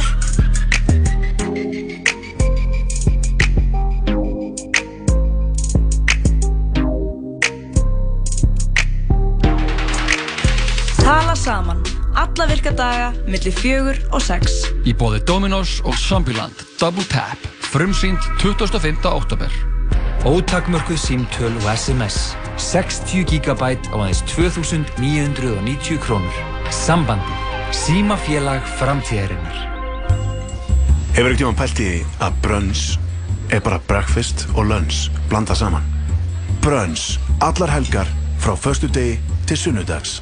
Skál, hlemur matöll. Bræðulegarnir dansa af gleði Serrano. Fresh, Happy, Max. Þú getur hlusta á alla þættina af Tala saman á Spotify. Já, sýttu þau að tala saman hér í fulli fjöri. Vorum að kveðja Haldur Haldursson, Dóri Díana. Já, núna er sko crazy hour að hefjast. Já, crazy hour Tökum, hér. all, tökum alltaf eitt svona klukkutíma sem er svona venjulegir og svo eitt það sem við fyrir gjörsanlega af spórinu, Já. út af sporinu, í já. ykkur að vittlesu og þar og til að við vorum bæðið að drekka 2 lítra af moose juice. Nei, Jú, ég, ég var að drekka moose juice. Nei, við vorum reynda bara að drekka 2 havra cappuccinoa. sem eru best, þetta er eitt besti drikkurinn, kaffidrikkurinn uh, sko. Uh, 100% Já, Herru, tvöfaldur, hann var tvöfaldur komast aðeins að uh, ég til bóttið því hvað moose juice Já, er hvað er moose juice? moose juice, þetta er fyrirsögn en að MBL moose juice gæti haft eitrunar áhrif á taugakerfi. Mm, þegar drikkir geta haft eitrunar áhrif I love. Hann áhrif ok, þetta er svona, svona grænflaska svo er svona, hún er alveg svona neongræn Já, og hún er smá svona eins og túborgflaska skilur þannig græn. Já. og svo er svona elgur að svona kreppa svona spenna bísepin Spenna bísinn. elgur og spenna bísinn og svo stendur moose juice. Moose extreme energy. Moose juice. Green apple flavor. Já, ok þetta er og- eins og eitthvað skets. Þetta Já. er eins og Tim and Eric skets. Þetta er bara eins og hann að uh, hamburgerstæðin í, í hann að Clarks 2 þá voru að vinna eitthvað hamburgerstæð sem hétt eitthvað svona moose burgers. Já, hann hétt eitthvað svona Ok. Mooies ok, hérna er sem sagt hérna er fréttin uh, moose juice, hann er sagt til sölu á Íslandi. Hvar? uh, ég veit ekki. Í íslensku verslunum. Aldrei síðan að drikk Sérfræðingar vöruðu matvælastofnun við því að hleypa orkudrykknum Moose Juice Moose inn á, íslenskan markað árið 2018 þá sérstaklega hvað var þar 500 ml dósir af drykknum sem, sem ekki fást á Íslandi reyndar. Það töldu ljóst að drykkurinn geti haft skadleg eitrun áhrif á tögakerfi bæði barna og fullorna. Það var sem sagt Ingibjörg Gunnarsdóttir, prófessor í matvæla og næringafræði til HÍ Ingibjörg Eh, Sólrún. hún uh, sagði þetta í erindi sem hún held í dag á málþingi um ungt fólk og orkudrykki. Álitið á á sérstaklega við erindi. 500 ml dósir neða var að halda málþing um Já. ungt fólk og orkudrykki. Það var ekki kona sem sagði moose juice Já. í þessu erindi. Já, eitthvað það í. matvæla og næringafræði Ingibjörg Gunnarsdóttir var að segja moose moose juice. juice uh, kann að hafa eitrun áhrif ok, sko þessi 250 ml sem er svolítið á Íslandi þeir eru aðeins hættu minni Já, en þessir sko 500 ml, mér langar svo að vita sko, hérna segir hún uh, hérna bara, ég ætla bara að lesa kvótið í hana Ingibjörgu Já, please uh, uh, uh, Já, sagt, það var, ó, það var sagt, ákveðið að leifa söluna á 250 millilitrum en 500 var bara, þú veist, fekk ekki að Ó, gegn. mikill juice. Já. Og uh, uh, uh, það sem matvarnastofnun á að leiðbina söluaðlum með skamtastæður þá slapp 250 millilitra dósin í gegn en B6 magnið er samt tölvert hátt en ekki beinilegs hættulegt ef ein dós er drukkin. Já. Ef menn drekka tvær dósir þá fara menn yfir efri mörg EFSA vegna B6 vítamins. Ljóst er að styrkur B6 vítamins í tveimur sköndum af Moose Juice sem Moose Juice. Já, sem framlegandi tilgreinir sem hámarskamt á dag er umfram það sem EFSA skilgreinir sem efri mörg fyrir fullorna og enn lengra frá efri mörgum fyrir börn. Hvað er B6? B6 vítamin Já, B6 vítamin bara B-vitamin Já, bara B6 vítamin bara Ok. B vítamin, B6 Ok, ok. Ok, og þeir sem drakka tværi að fleiri dósir af 500 ml mústjús dælega geti orðið fyrir skadlegum eitrunar áhrifum á taugakerfi. Mm. áhrifum séu mun meiri fyrir börn fullorna uh, börn en fullorna og þau geta hugsanlega verið varanleg Fáránlegt. Þegar þættinum líkur ætla ég að fara að kaupa Ætlar að stúta mústjús Ég ætla að drekka sko 7 250 ml dósir af Moose Juice Mhm. og sjá hvort ég verða fyrir varanlegum Eitrunaráhrif. Já. Hún er að tala líka um sko það Hvað áhrif er um- þetta? Segðu það? Bara eitrunar áhrif Hvað þýðir það? Að maður verður bara eitraður? Nei, það þýðir ekki að maður verði bara eitraður Það er bara, oh yeah! Það þýðir bara skilur að þú það, þú bara, þú töðukerfið þetta er bara fucked, skilur Þú ert Ég veit ekki. verður bara svo jokerinn. Pældi ég ef að maður myndi byrja að drekka ógislega mikið af moose juice og þá myndi maður breytast í massaðan elg. Það þú það væri eitthvað. Ef þú mætti breytast í eitt dýr það er það alltaf massað, miklu massaðara heldur en þú ert. Já. Hvaða dýr myndi það vera? uh, Ugla. Mössuð ugla? Já. Ok, uglur eru sem svo litlar. Þú myndir ekki ná úr mæknum niður á borðið til þess að hækka og lækka, skilur Nei, ég myndi bara fljúa og þú er bara, já, uh, tala saman með, Jó, uh, með Lóu Björk og Jóhanni Uglu. Og ég er bara, Ég væri, ég væri til að vera sko salamandra. Já, Mössuð salamandra. Það er svona lítil eðla mm Já. já, já, salamandra. Ég- Ég átti líka- eins og salamandra sko Það var líka nætt að vera snákur, massaður snákur. Já, ég var að hugsa um snák svo hugsaði, ok, salamandra eru samt með hendur. Snákar eru ekki með hendur. Já, það er bara Moose juice Moose juice. Má ég fá smoost Herru, Þetta uh, Þetta er grín í dag. Það er þessi blessaði moose juice sem er þó stórhættulegur. Hver, þú veist, hvað gengur fólki til að vera að búa svona kjaftaði til? bara Moose juice, eitraður eitraður orkudrykkur. Ah, já, ég ætla að gera orkudrykk og fokk honum upp þannig að fólk getur fokkast upp. Moose juice. Hæ? Moose juice. Elg, elgur. Massaður elgur. Grættir ykkur. 500 ml- millilitrar. Mjög mikið af B6 Og fólk er bara Já, já, bara Ég framlýstu strax. Og síðan er bara einhver hérna Einhver hildsali hérna Sem er bara, ég var að panta hérna Moose juice. Allir að drekka svona orkudrykki Og hvað að panta hérna uh, Tíu bretti af Moose juice? Prófum það öll degi Að- Já, bara, fólk að hrinja niður Pældi samt ef að sko, ok Ok, við búum sérst í heimi Ok, sem er heimurinn okkar, skilur Hann er smá skrítið en samt oft allt í lagi Mhm. Og það væri bara einhver hriðverkasamtök sem ætluðu bara að drepa alla tölvuleikja spilendur Ok. Væntalega myndu við bara búa til Moose Juice Já, og setja já. eiturefni í hann En það er samt allir að drekka orkudrykki núna Allir Já, mér finnst það eiginlega of mikið Ég er sammála Sorry, því, sko. bara Drættu bara havra cappuccino Já. Bitch, hættu svo væli. Einn havra sé á dag. Koffin þarf ekki, þú veist þarf ekki að vera líka að drekka eitthvað sí- veist, allt og stert, þetta er bara allt og stert Þetta er allt og stert, allt, allt og stert Við bara Um, mælum með að þið þannig að hæ, hæ aðeins á okkur, kæru hlustendur. Ég er enda búin að drekka sko fáránlega mikið kaffe í dag verði ég að segja. A og allt svona með havramjölk allt með þegar maður haframjölk líður eins og ég sé ekki að drekka óslega mikið kaffi. Havramjölk er bræðið í. Já, þú feysir bara nokkuð með haframjölk honni Þetta er- moose juice með haframjölk Moose juice með havramjölk hræra það saman Já, ah, svo gott við fáum eitt lag Þetta eru þeir Young Thug og Lil Uzi Vert Lagið heitir What's the Move I just let lil' mama suck me up, girl. Big country grass and roll runs up the books, girl. I jumped out the porch and went straight up, girl. You can leave your town and head to another what world. What move? I'm tired of earning you. Tired of spying on you. Tell the pain mine too. I made it rain on you when it was hard to maintain too. I was playing games with you like you could never play games too. Yeah. Ooh. You just gotta tell me what you want. Love it turn diamond keep calm. All you do is point at what you want. Point it up. Cut punters in the town. Come on. 35 dollars for a dub.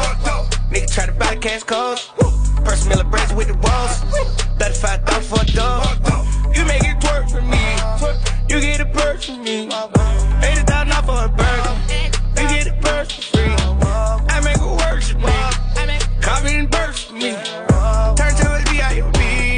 I make it work for me. You walk back, oh no, no. I make her drop it and pop it and break it on my nose. I make her shut up and suck and she fucking at my shows. I make her shut up, she fucking, she sucking at my shows. Yeah. Drip. No shoes in my sneaker won't trip. My jeans is so tight they don't fit. Still walk around with a stick on my hip. VVS diamonds right behind my lip. Down less than 50 on my wrist. Diamonds so cold on my neck, it got me sick. Rob Simmons mix it up with the Rick. Flexing on these haters, oops, I mean my bad. Made it from the soil, made it from the Rex. Richer than your first, richer than your last. LUV, know I got the swag. Pop a rubber band, pop another Zan. I groove around, party back my hand. I'm seeing double looking through my lens. Tell me what you want, I just want your friend. You just gotta tell me what you want.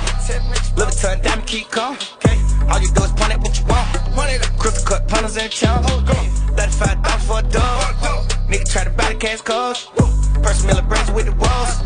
35 dollars for a dub. You make it work for me. You get a purse for me. 80 dollars off for a burger. You get a purse for free.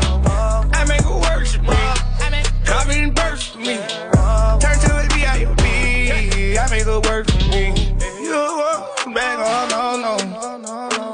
make her drop it and pop it and break it on my nose. I make her shut up and suck and she fucking at my shows. I make her shut up, she fucking, she sucking at my shows.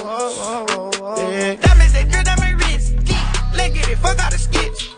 Left wrist sitting on the brick. Left wrist, bitch, have it lie like a pig. Shit. Bitch, part K for the shit. Part K. Grab an AK for the wrist. Gorilla rapping bass on the bitch. Shut your car cave on the bitch. Bitch, we live in state state on the bitch. We never ever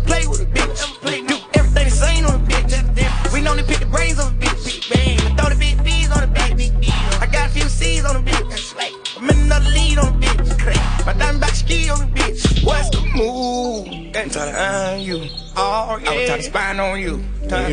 To the pain mines too. Yeah. Make it rain on you. Rain. It was hard to maintain too. Ooh, I was playing games with you, like you couldn't play games too. Hey, okay, you just gotta tell me what you want. Love it turn diamond keep calm. Oh, All you do is point at what you want. Crystal cut punters in town. 35 dollars for a dub. Nigga try to buy the cash calls. First Miller braids with the walls. 35 dollars for a dub. You make it twerk for me. You get a purse for me. 80 thousand off for a burger.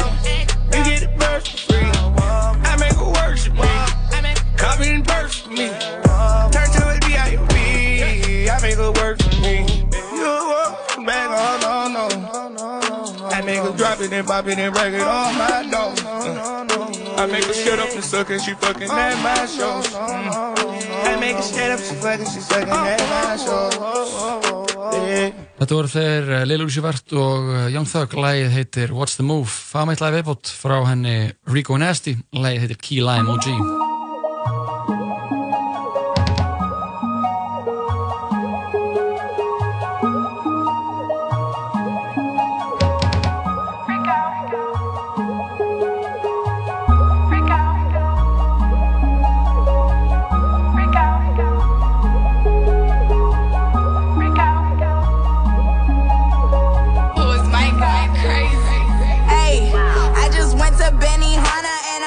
Smoking sheets at funnel. You a wannabe who wanna be, I'm only about the commas. See me in the street on any day, I'm really about that drama.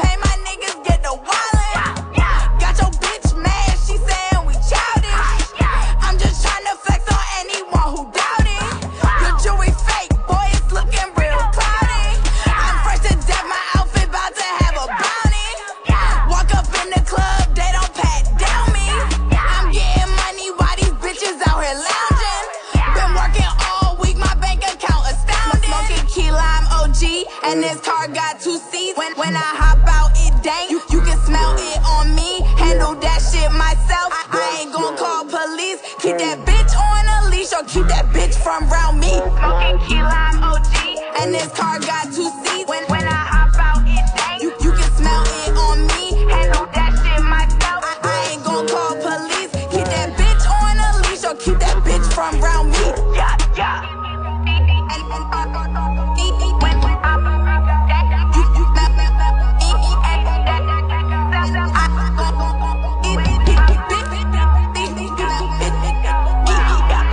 Þetta var uh, Rico Nasty, lagið heitir Keem Lime OG hér í síta sem við tala saman. Ég ætla að koma inn sko, ég var, alveg, ég var komin eitthvað, já, þú ert að hlusta að tala saman.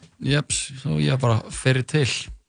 Ok. Alright, Þannig að, veistu hver var fyrir til að koma inn í hús, einhvers heldur en hús eigandinn. Það var engin annar heldur en sennilega rapparinn Gísli Pálmi. Já, það er nú verið að saka nú það á, á, á vefnum. Komin, ví, það er allavega komin ein vísisgrein að það var fyrst og fremst Facebook status hjá mannesku sem að seg, segir atna, Gísla Pálmi og kæristu hans sem að heitir, veistu hvað hann heitir?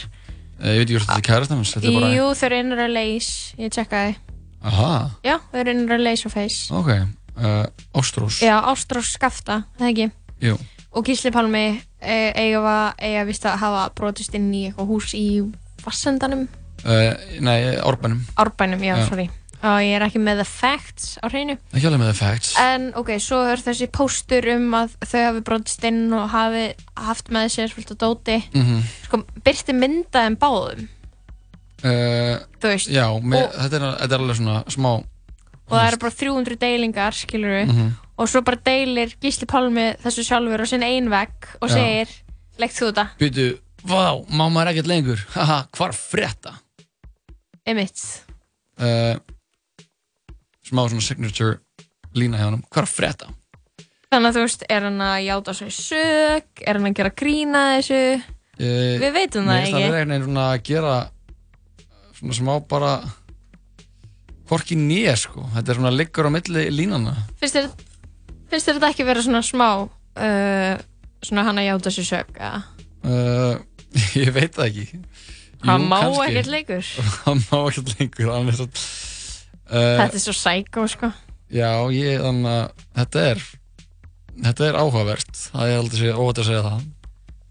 Mér finnst, ég veit ekki hvað er það skrýtna í þessu, eitthvað svona að eitthvað brjótast inn til og þú sko finni myndaðum af Facebook, mm Mhm. hann hlýtur að hafa bara séð þau mjög vel, eða skilur við. Já, þetta, ég held að það stóð einhverju frétt að þetta hefði komið út frá því að hann hefði, hún hefði eitthvað rek, rakt hana uh, rakt rakið. Ra ekki rakt, rakið. Rakið uh, númuraflöta bíl.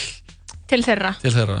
Já, ég skil. og uh, og hann uh, já, þaðan komið sett þessi staðfesting að það ha- hafi verið þau. En Mhm. maður alltaf við veitum ekkert mikið um þetta. Þetta er alltaf bara eitthvað Facebook status og það er ekkert búið að þú veist, eina viðsvarið er bara búið að vera þetta. Hann uh, er búið að vera þessi status frá, frá Mhm, Gísla mhm.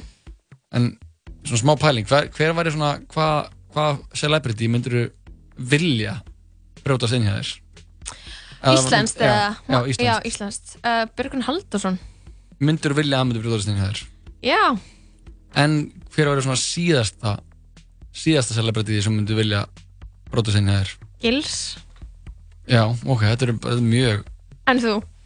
uh, Mannskja sem, að ég verður líka að segja Bó eða Sigga Beintens, það er annarkvort. Já, þú myndir vilja að þau myndir brjótast inn hjá Já, þau, ég væri bara svona take my stuff þegar við gert svo mikið fyrir íslenska menningu. Já um, Nei, ég er bara að djóka skilur, en anna, hvað hva með þig?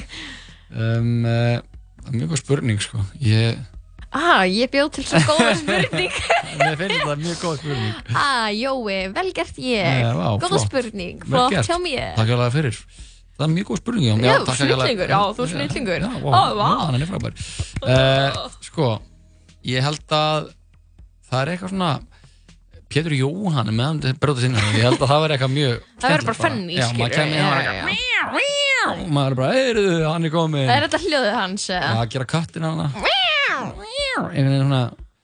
Hann eh, er alltaf að gera þetta. Þetta er svona hans hljóð.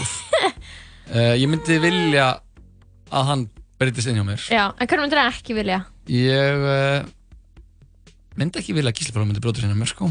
Nei, ég mitt og ég myndi heldur ekki vilja að Helgi Björns myndi brjóta sinna mér. Nei. Ég myndi ekki, ég myndi ekki vilja að Sveppi myndi brjóta sinna mér. Einmitt, Eh. hann er eitthvað svona aðgreining. Það er eitthvað í lægi ef Pétur Jóhann gera það en það er ekki lægi ef Sveppi gera það. Nei, það er Sveppi veginn svo- lægi sko, það er veginn lægi líka að sko að Randver brjótist inn hjá þér en ekki Örn Átnarsson og Siggi Sigurjóns en ekki Pálmi. Já, skilur já.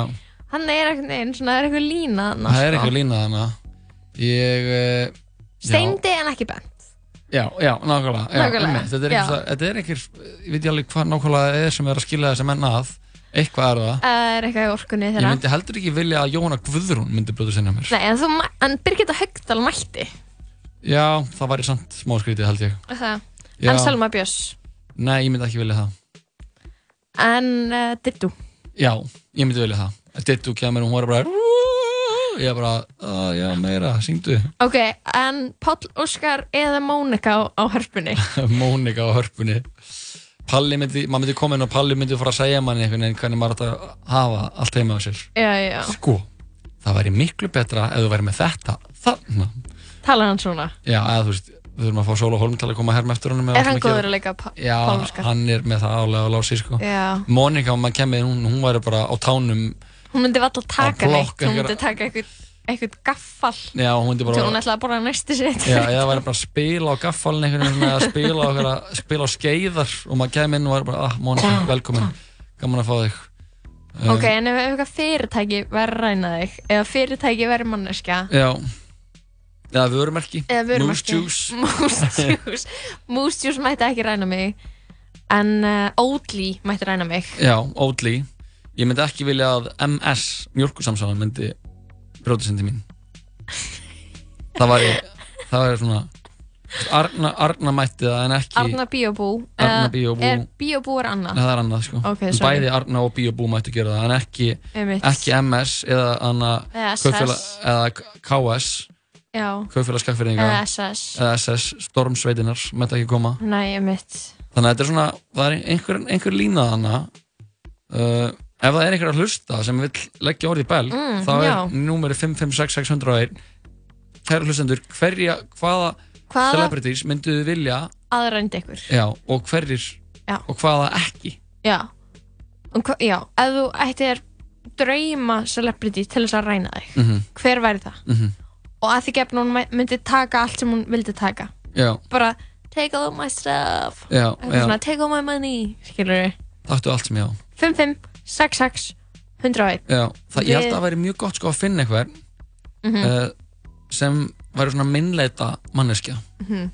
það er náttúrulega það er náttúrulega ekki anda, anda stjörnunar að, að vera minnleita nei, en þú einhver sem er um búin að eð, eðli, eðli stjörnunar Já, einhver sem er kannski búin að vera í leiknum lengi og er búin að sjá ímislegt og er kannski komin á þann stað bara, þú veist sem bara Dalai Lama, það var alltaf lægi að hann myndi bróðast inn til manns, af því að hann myndi bara koma og hann væri bara á, að huglega Mhm. hann væri bara að vera hér inni hjá manni. Hann væri ekkert að taka neitt, hann væri bara ég vildi bara fá, að vera hérna inni. Ég kom bara inn til þess að slökka ljósin svo var að eða minna ramagni Já, og fá að vera hérna bara aðeins í smástund Mhm.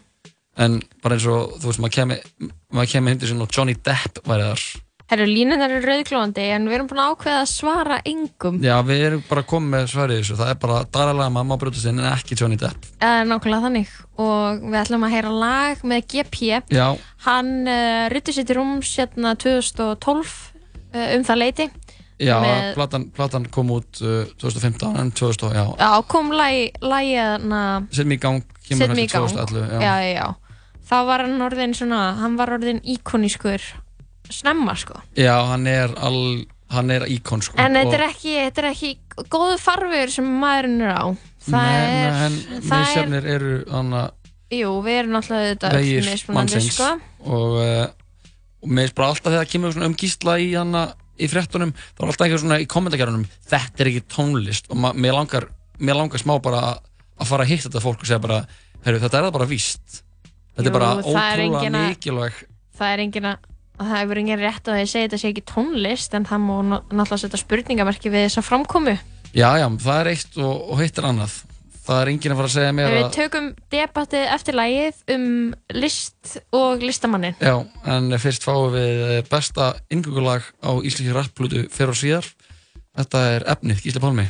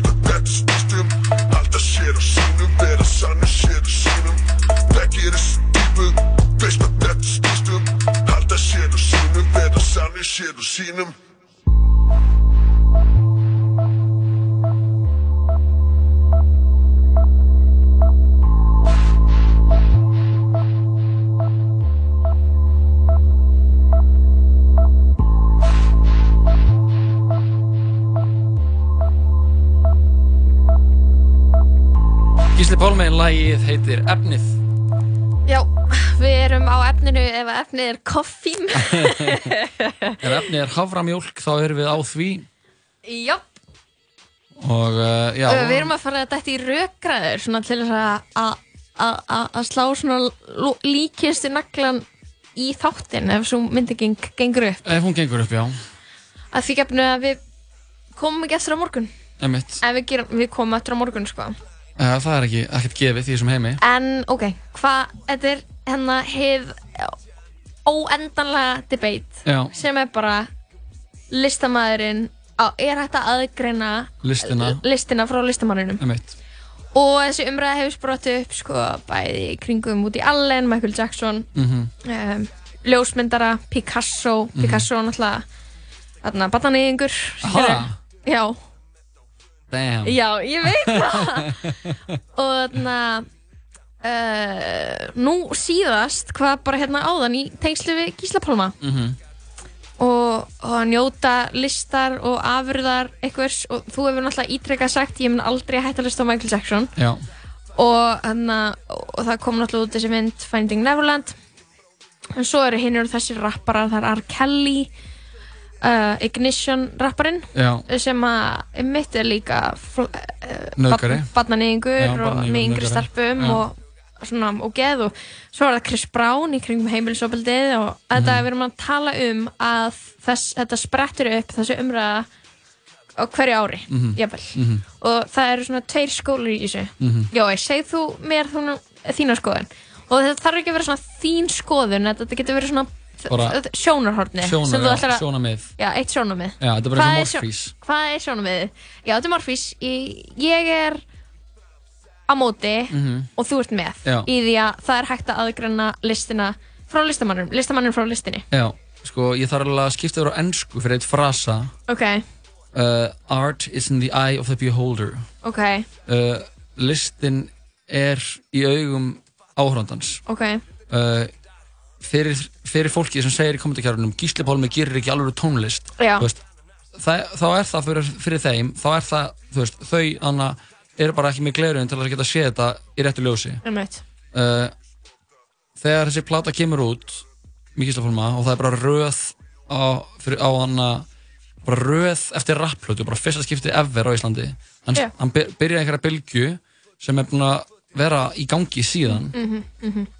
og snertir miklu fleiri heldur en hann hefði grunnað Einmitt, einmitt, einmitt og eins bara með tónlist Michael Jackson bara, hann er verður bara svona ótrúlega stórt uh, hann að fenomen í, í, í pop Mhm.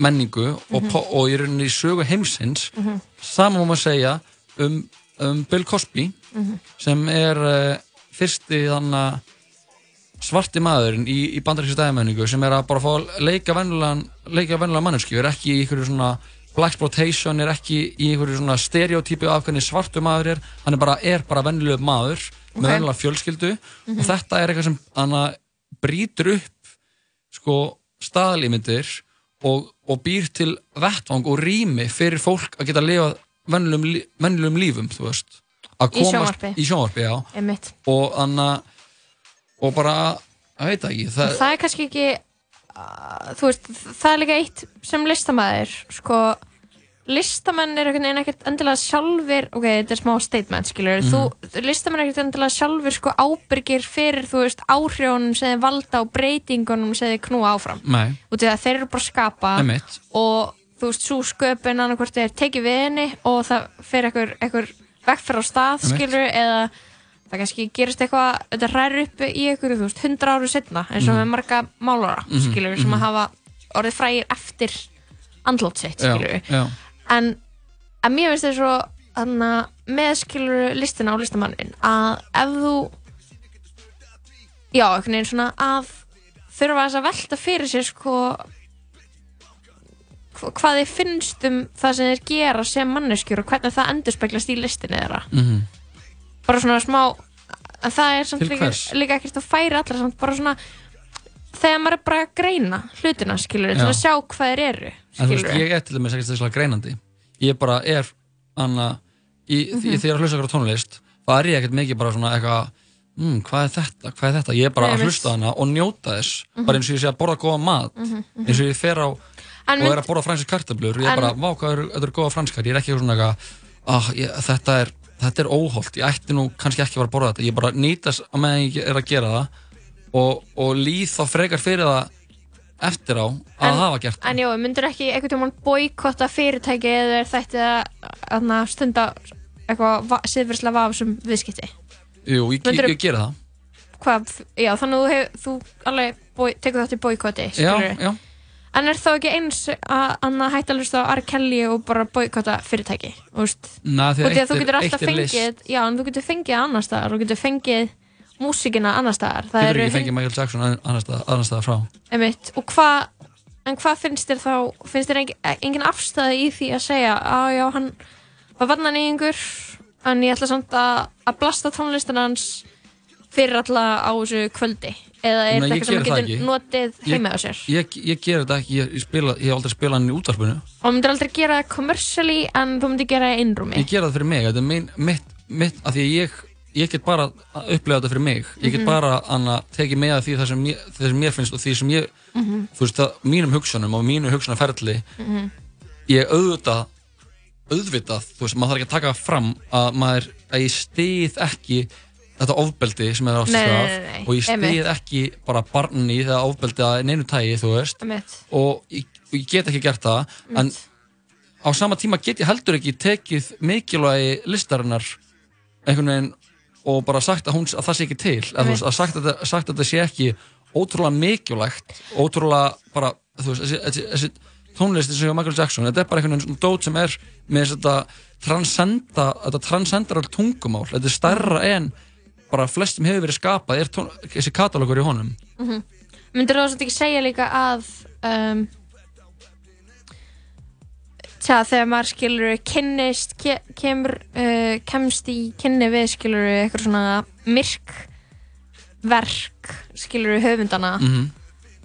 að það skilur varpa öðru ljósi á listina þú veist eins og mér finnst það klálega með, með Woody Allen skilur komast að því að hann hafi misnotað uh, dóttur sína stjúpdóttur sína kemur sér hann í ljós uh, og fær allt annað læsi á myndinir hans Mhm. þar sem að hann er færtur og deyta 16 ára stelpur Mhm, Jú Þú veist. Það fer líka mjög mikið eftir hva, hvers konar list einstaklingurinn er að gera Mhm, mhm. Woody Allen er alltaf búin að að gefa eitthvað sem er ótrúlega drifið áfram að eitthvað svona grettu eða þú veist, það er eitthvað svona eða mjög sínu lífi eða sínu lífi og sinni Mhm. svona, og sinni svona þú veist, samskipta frustrasjónum Mhm. og hana, samskiptum kynjana þannig að þú veist, auðvitað er það eitthvað sem maður, maður horfir á og maður sé bara, vá, ok, þetta er brenglað, eða þú veist, Mhm. það er ekki brenglu inn í þessu Mhm.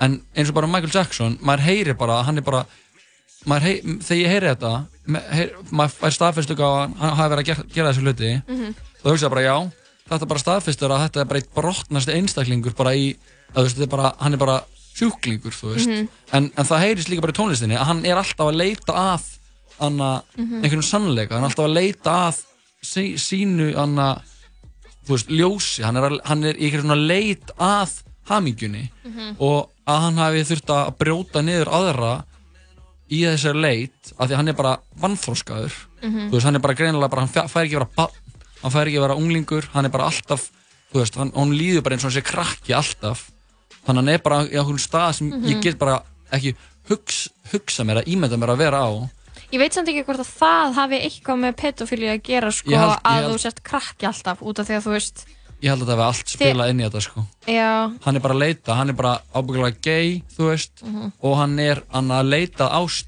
og hann leitar í ást til einhverjum sem hann tengi við og hann tengi bara við börn.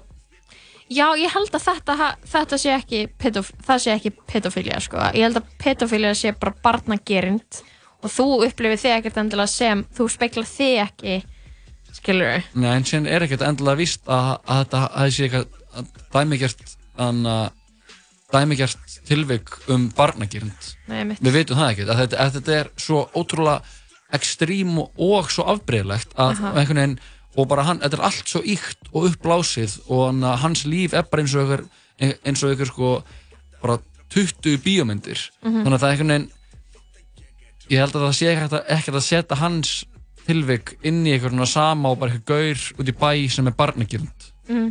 að veist, mér, þætti það að vera mér þætti það að vera svona smá úr samingi sko. Þetta, þetta er samt líka fæmyndilega að hugsa um sko eitthvað tweet sem ég sá sem var eitthvað hlutin er enda illa þegar þú kennir fólki orðaforðan en ekki veist, hugmyndafræðina eða hegðunina eða hugsunina bakvið Já. út af því að þú veist þannig að við erum til dæmis því að við getum sko byrjað að cancela listamenn sem að gera hluti sem eru ó- ógíslegir, mm Mhm. skilur allt þetta ofbeldi, þetta er bara ógíslegt skilur, þetta er ekki eitthvað, þetta er ekki perraskapur þetta er ekki, þetta er ekki Þetta mistök ofbeldi. þetta er bara svona valda misbeiting og Já. ofbeldi, veginn skilur og en lík, svo mun það alltaf gerast innan, það mun alltaf gerast síðan nálægt þér Mhm. og allir þekkja nöðgara Mhm. og allir þekkja ofbeldsmenn Mhm. og þú getur cancelað eitthvað sem þig engum máli skilur, Mhm. en getur þú cancelað vinnin Emitt sumi geta það, klálega og bara, þú veist, eru alveg til í það skilur, Já. það er bara þeirra leið Já, og þetta, þú veist, þetta mun líka, þetta mun gerast eins og, þú veist, þetta mun gerast hjá okkur sem að þú helst að væri sama lið og þú eins og Louis C.K. skilur, sem Já. var svona talar um þú veist öðruvísi hluti heldur en aðrir Já, já. grínstar Já, og já. þá er það allt í einu er það eitthvað meiri svik heldur en ef að eitthvað svona meiri eitthvað meir öðruvísi típa hefði gert það skilur Nei, ég bara hugsa skilur Já, já. að þetta er alltaf að fara að gera svo ég veit ekki hvort að sko ég, ég er núna bara að velta fyrir mig sko frá þinni hliði skilur Mhm. getur er eitthvað svona seleb þegar þau gera hluti lögu við samfélagi með því að hætta að hlusta eða horfa á það sem þessi seleb þegar þetta gerist á hverjum degi frekar nálægt okkur eða í sama umhverfi þegar við erum miklu, veistu hvað ég á við? Hvort að, ertu að spyrja hvort við lögum okkar nærumhverju með, með, með því að hætta að Já. hlusta á Michael Jackson hefur það, hefur það einhver áhrif á skilur hvernig til, dæm, til dæmis bara svona hvernig barnavendanemnd virkar eða hefur það áhrif á óbildsmenningu hefur það áhrif á nauðgunamenningu skilur veist, Ég held ekki, nei eða veist, já, ég bara Það er eitthvað bara, í, það er bara mismunandi þú veist, það er bara mismunandi eftir Mhm. hverju einn dæmi Mhm. eins og bara, Anna, þú veist ég hlusta ekkert að ég á Chris Brown þú veist, og Chris Brown Anna, náttúrulega bara er óbyrðismæður og ég bara las hana, þú veist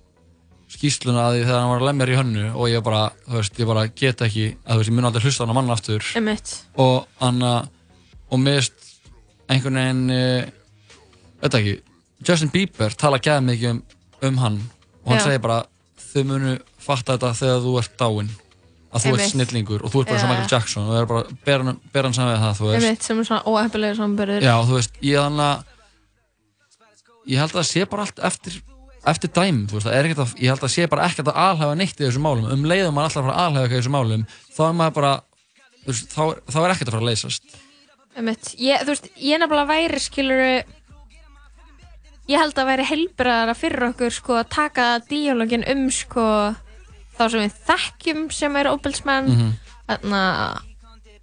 og eitthvað svona úrræði sem eru í bóði Mhm.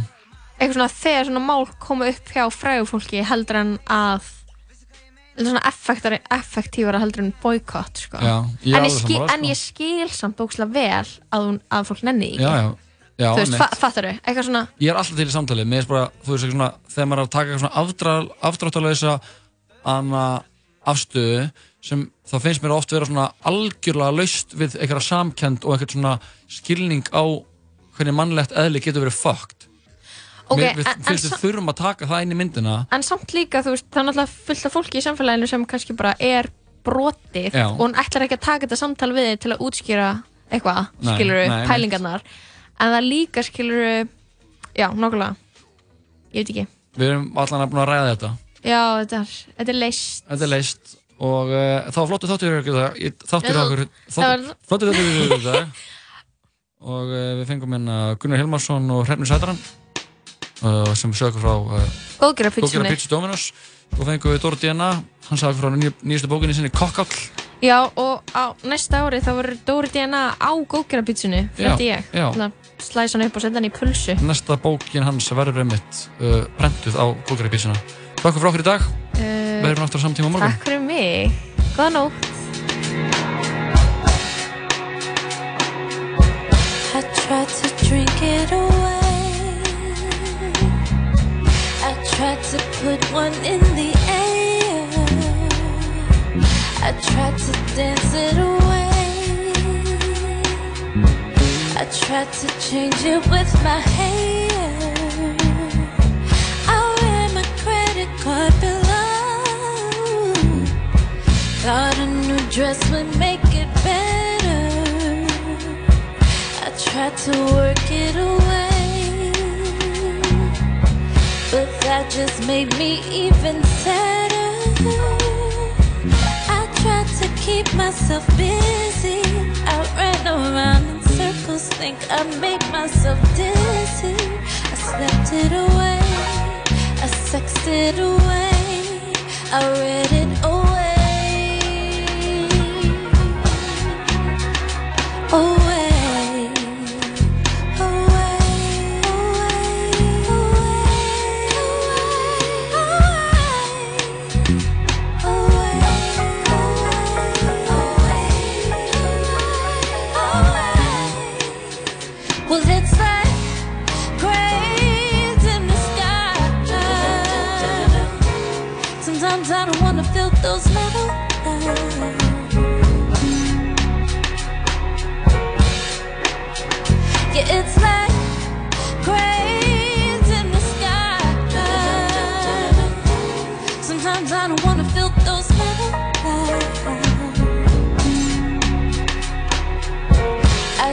to run it away. Thought then my head be feeling clearer. I traveled 70 states. Thought moving around make me feel better. I tried to let go my lover. Thought if I was alone, then maybe I could recover. To write it away or cry it away. Don't you cry, baby. Away.